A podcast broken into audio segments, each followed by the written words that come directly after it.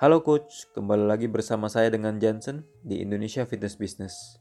Pada kesempatan kali ini, saya ingin membahas satu topik yang sangat penting sekali berhubungan dengan interpersonal skill, yaitu kemampuan untuk mendengar dengan baik. Walaupun terkesan sepele, kemampuan ini sebenarnya sangat penting sekali dan tidak banyak fitness coach yang memilikinya.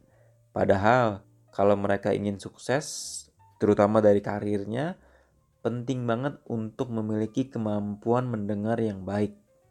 Kebutuhan mendasar dari komunikasi adalah berbicara dan mendengarkan. Kalau misalnya kita tidak mampu mendengarkan dengan baik, otomatis kita tidak mampu memahami maksud dari apa yang dikatakan oleh lawan bicara kita. Bahkan ada suatu quote mengatakan the biggest communication problem is we don't listen to understand, we listen to reply. Artinya adalah masalah terbesar dari suatu komunikasi kebanyakan orang mendengarkan bertujuan untuk menjawab bukan untuk memahami terlebih dahulu. Ini sangat penting sekali apabila kita tarik ke profesi fitness coach yang di mana kita sebagai fitness coach harus lebih banyak mendengarkan klien kita, dengan baik agar kita mampu memahami apa sih yang sebenarnya mereka butuhkan walaupun mereka tidak mengatakannya secara langsung. Nah, sebenarnya ada beberapa cara untuk meningkatkan kemampuan dalam mendengar. Karena yang namanya berkomunikasi itu tidak hanya suara saja, bahkan sampai bahasa tubuh, intonasi suara, sampai mimik wajah juga dapat mempengaruhi kualitas komunikasi. Ada beberapa cara agar kita dapat menjadi pendengar yang lebih baik. Yang pertama adalah di saat seseorang berbicara, jangan pernah mengganggu atau memotong di tengah jalan saat mereka berbicara. Jadi jangan dipotong tuh di saat orang sedang menjelaskan atau sedang berbicara. Karena di saat kita potong pembicaraannya, kemungkinan untuk memahami the bigger picture itu tidak tercapai. Sebelum mereka menyampaikan keseluruhan maksud dari apa yang mereka ucapkan, kita tidak boleh mengganggu. Tunggu dan pastikan kalau klien kita sudah selesai dalam menjelaskan sesuatu. Dengan begitu, kita juga dapat mendapat waktu untuk memahami apa yang mereka ucapkan kepada kita.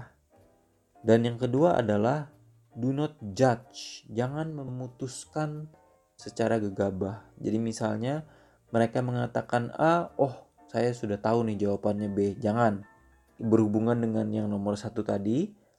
Kalau misalnya kita sudah memiliki judgement tertentu di dalam pikiran kita, sebelum mendengarkan dengan seksama dengan uh, setelah selesai mendengarkan kita tidak boleh menjawab apa yang atau apa yang ingin diucapkan kepada klien. Dengan mengosongkan persepsi dengan mengosongkan pikiran kita atau keinginan kita untuk menjawab sehingga tidak akan ada keinginan untuk menilai atau memberikan judgement sebelum benar-benar memahami apa yang diucapkan oleh klien kita. Kemudian untuk memastikan kita benar-benar memahami apa yang diucapkan oleh klien kita, kita dapat memberikan pertanyaan konfirmasi. Contohnya seperti ini. Benar nggak bu, yang ibu ucapkan adalah A, B, C? Oh benar. Nah, artinya kita sudah memahami apa yang diucapkan, apa yang ingin disampaikan oleh mereka kepada kita. Jadi pertanyaan konfirmasi ini juga sering kali saya gunakan apabila saya kurang yakin dengan apa jawaban yang akan saya berikan pada klien saya, pada lawan bicara saya. Jadi pertanyaan konfirmasi ini merupakan salah satu tips yang penting sekali untuk dilakukan apabila Anda ragu dengan apa informasi yang sebenarnya mereka sampaikan. Nah, tips berikutnya adalah paying attention to small details. Memberikan perhatian yang lebih ke detail-detail kecil seperti bahasa tubuh, intonasi suaranya, bahkan sampai ke mimik wajah dari lawan bicara kita.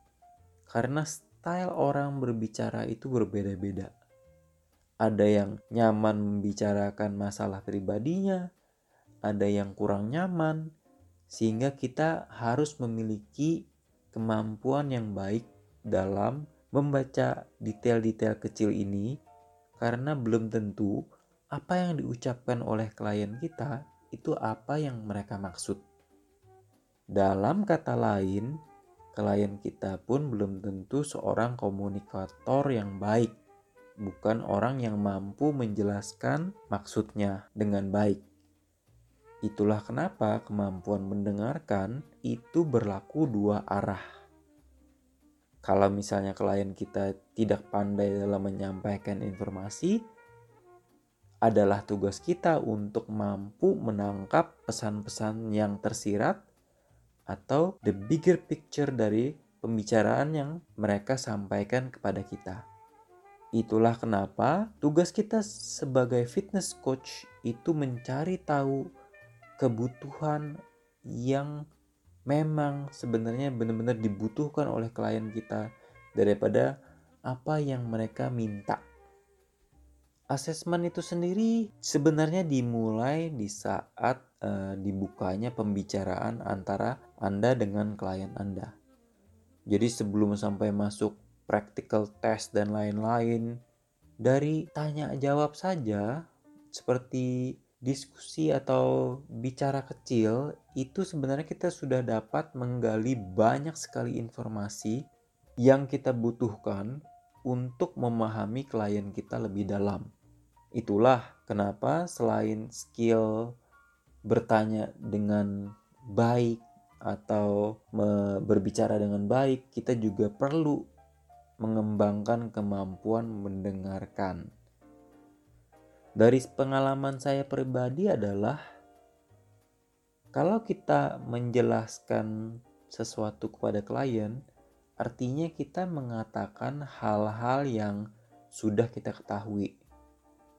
Nah, kalau kita misalnya memiliki kemampuan mendengar yang baik, itu sebenarnya secara tidak langsung kita juga belajar hal-hal baru dari lawan bicara kita. Ada quote yang mengatakan there is something to learn from anybody. Maksudnya adalah dari setiap lawan bicara kita, kita mampu atau dapat mempelajari suatu hal, baik itu informasi baru atau informasi yang perlu kita ketahui dari klien kita tersebut. Seni berbicara, seni mendengarkan, seni-seni seperti interpersonal skill ini sangat penting sekali untuk terus kita kembangkan selain hard skill seperti kemampuan-kemampuan praktikal di lapangan, kita juga harus memiliki istilahnya soft skill yang baik Nah, pada kesempatan kali ini yang kita bahas adalah kemampuan untuk mendengarkan. Untuk mengasah kemampuan dalam mendengarkan, yang paling baik adalah learning by doing, dengan melakukannya. Jadi dengan melakukan conversation dengan banyak orang sehingga Anda memiliki kemampuan mendengarkan yang lebih baik. Tetapi setelah mengetahui tips-tips yang telah saya bagikan tadi dan diaplikasikan tentunya akan mempersingkat proses belajar untuk menjadi pendengar yang baik. Bahkan dari pengalaman pengalaman yang saya peroleh selama menjadi seorang fitness coach, kebanyakan fitness coach yang laku itu adalah mereka yang mendengarkan dengan baik keluh kesah masalah pribadi yang sensitif maupun yang tidak sensitif maupun apa pun yang berhubungan dengan kehidupan kliennya ya kembali lagi ya namanya juga personal ya personal training jadi hal-hal personal ini informasi yang bersifat personal ini menjadi ini hal yang tidak bisa dihindari. Tujuan saya menjelaskan ini adalah bahkan bisa dibilang coach yang tidak memiliki practical skill yang cukup bagus tetapi merupakan seseorang yang memiliki kemampuan mendengarkan dengan baik saja itu bisa laku. Bayangkan, hanya dengan mendengarkan saja, bukan listen to understand.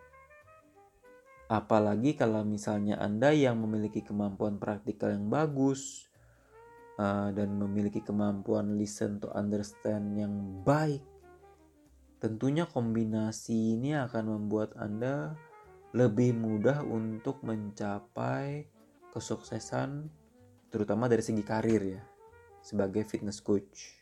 Itulah kenapa saya sangat menyarankan untuk setiap fitness coach untuk belajar mendengarkan dengan baik, baik itu pembicaraan yang tersurat maupun yang tersirat, baik dengan membaca bahasa tubuh, intonasi, mimik, dan lain-lainnya. Intinya adalah jadilah komunikator yang baik untuk klien Anda. Ini penting sekali, ini sangat-sangat saya tekankan, sangat-sangat penting sekali karena yang namanya personal training merupakan uh, melibatkan human interaction, komunikasi dua arah sehingga kemampuan berbicara, kemampuan mendengar itu sama pentingnya jadi sangat disarankan untuk terus diasah. Nah itu saja sharing saya kali ini yaitu mendengarkan dengan baik. Semoga sharing saya kali ini bermanfaat untuk Anda semuanya. Sampai jumpa di lain kesempatan.